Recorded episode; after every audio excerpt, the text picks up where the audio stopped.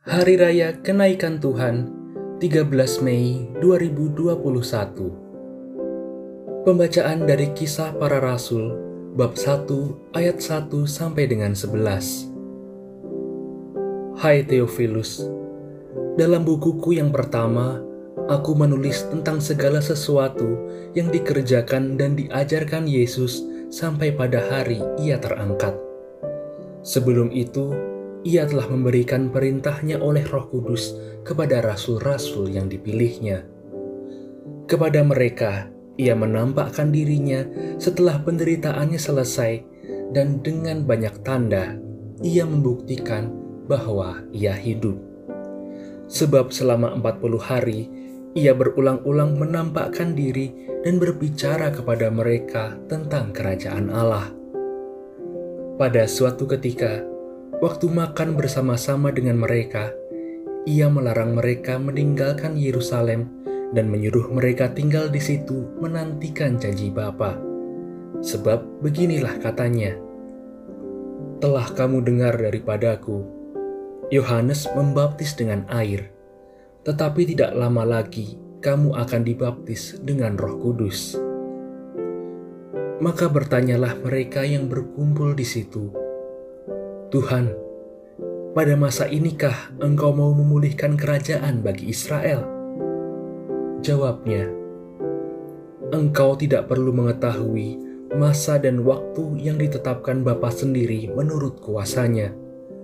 Tetapi kalau Roh Kudus turun ke atas kamu, kamu akan menerima kuasa, dan kamu akan menjadi saksiku di Yerusalem." di seluruh Yudea dan Samaria dan sampai ke ujung bumi. Sesudah mengatakan demikian, terangkatlah Yesus disaksikan oleh mereka dan awan menutupnya dari pandangan mereka. Ketika mereka sedang menatap ke langit waktu Yesus naik itu, tiba-tiba berdirilah dua orang yang berpakaian putih dekat mereka. Kedua orang itu berkata kepada mereka, Hai orang-orang Galilea, mengapakah kamu berdiri melihat ke langit? Yesus yang terangkat ke surga meninggalkan kamu ini akan datang kembali dengan cara yang sama seperti kamu melihat dia naik ke surga. Demikianlah sabda Tuhan.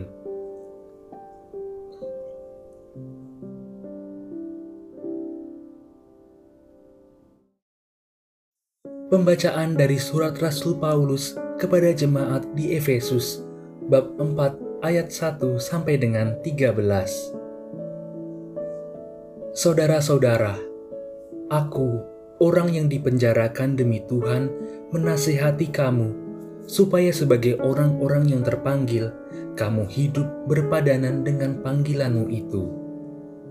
Hendaklah kamu selalu rendah hati, lemah lembut, dan sabar tunjukkanlah kasihmu dalam saling membantu, dan berusahalah memelihara kesatuan roh dalam ikatan damai sejahtera. Satu tubuh, satu roh, sebagaimana kamu telah dipanggil kepada satu pengharapan yang terkandung dalam panggilanmu itu. Satu Tuhan, satu iman, satu baptisan, satu Allah dan Bapa kita sekalian yang mengatasi semua menyertai semua, dan menjiwai semua. Kepada kita masing-masing telah dianugerahkan kasih karunia menurut ukuran pemberian Kristus. Itulah sebabnya kitab suci berkata, Tatkala naik ke tempat tinggi, ia membawa tawanan-tawanan. Ia memberikan pemberian-pemberian kepada manusia. Bukankah ia telah naik berarti bahwa ia juga telah turun ke bagian bumi yang paling bawah. Dia yang telah turun itu, dialah pula yang telah naik jauh lebih tinggi daripada semua langit untuk memenuhkan segala sesuatu. Dialah juga yang memberikan baik rasul-rasul maupun nabi-nabi, baik pewarta Injil, gembala umat maupun pelajar.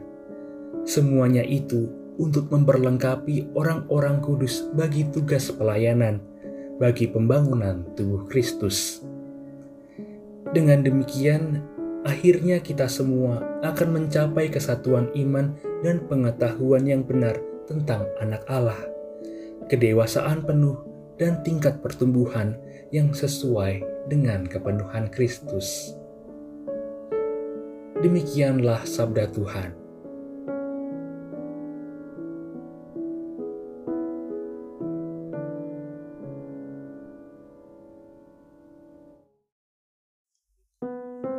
Inilah Injil Yesus Kristus menurut Markus bab 16 ayat 15 sampai dengan 20. Pada suatu hari, Yesus yang telah bangkit dari antara orang mati menampilkan diri kepada kesebelas murid dan berkata kepada mereka, Pergilah ke seluruh dunia, beritakanlah Injil kepada segala makhluk Siapa yang percaya dan dibaptis akan diselamatkan, tetapi siapa yang tidak percaya akan dihukum. Tanda-tanda ini akan menyertai orang-orang yang percaya. Mereka akan mengusir setan-setan demi namaku. Mereka akan berbicara dalam bahasa-bahasa yang baru bagi mereka. Mereka akan memegang ular, dan sekalipun minum racun maut, mereka tidak akan mendapat celaka. Mereka akan meletakkan tangannya atas orang sakit, dan orang itu akan sembuh. Sesudah berbicara demikian kepada mereka, terangkatlah Tuhan Yesus ke surga, lalu duduk di sebelah kanan Allah. Maka pergilah para murid memberitakan Injil ke segala penjuru dan Tuhan turut bekerja dan meneguhkan firman itu dengan tanda-tanda yang menyertainya. Demikianlah Injil Tuhan.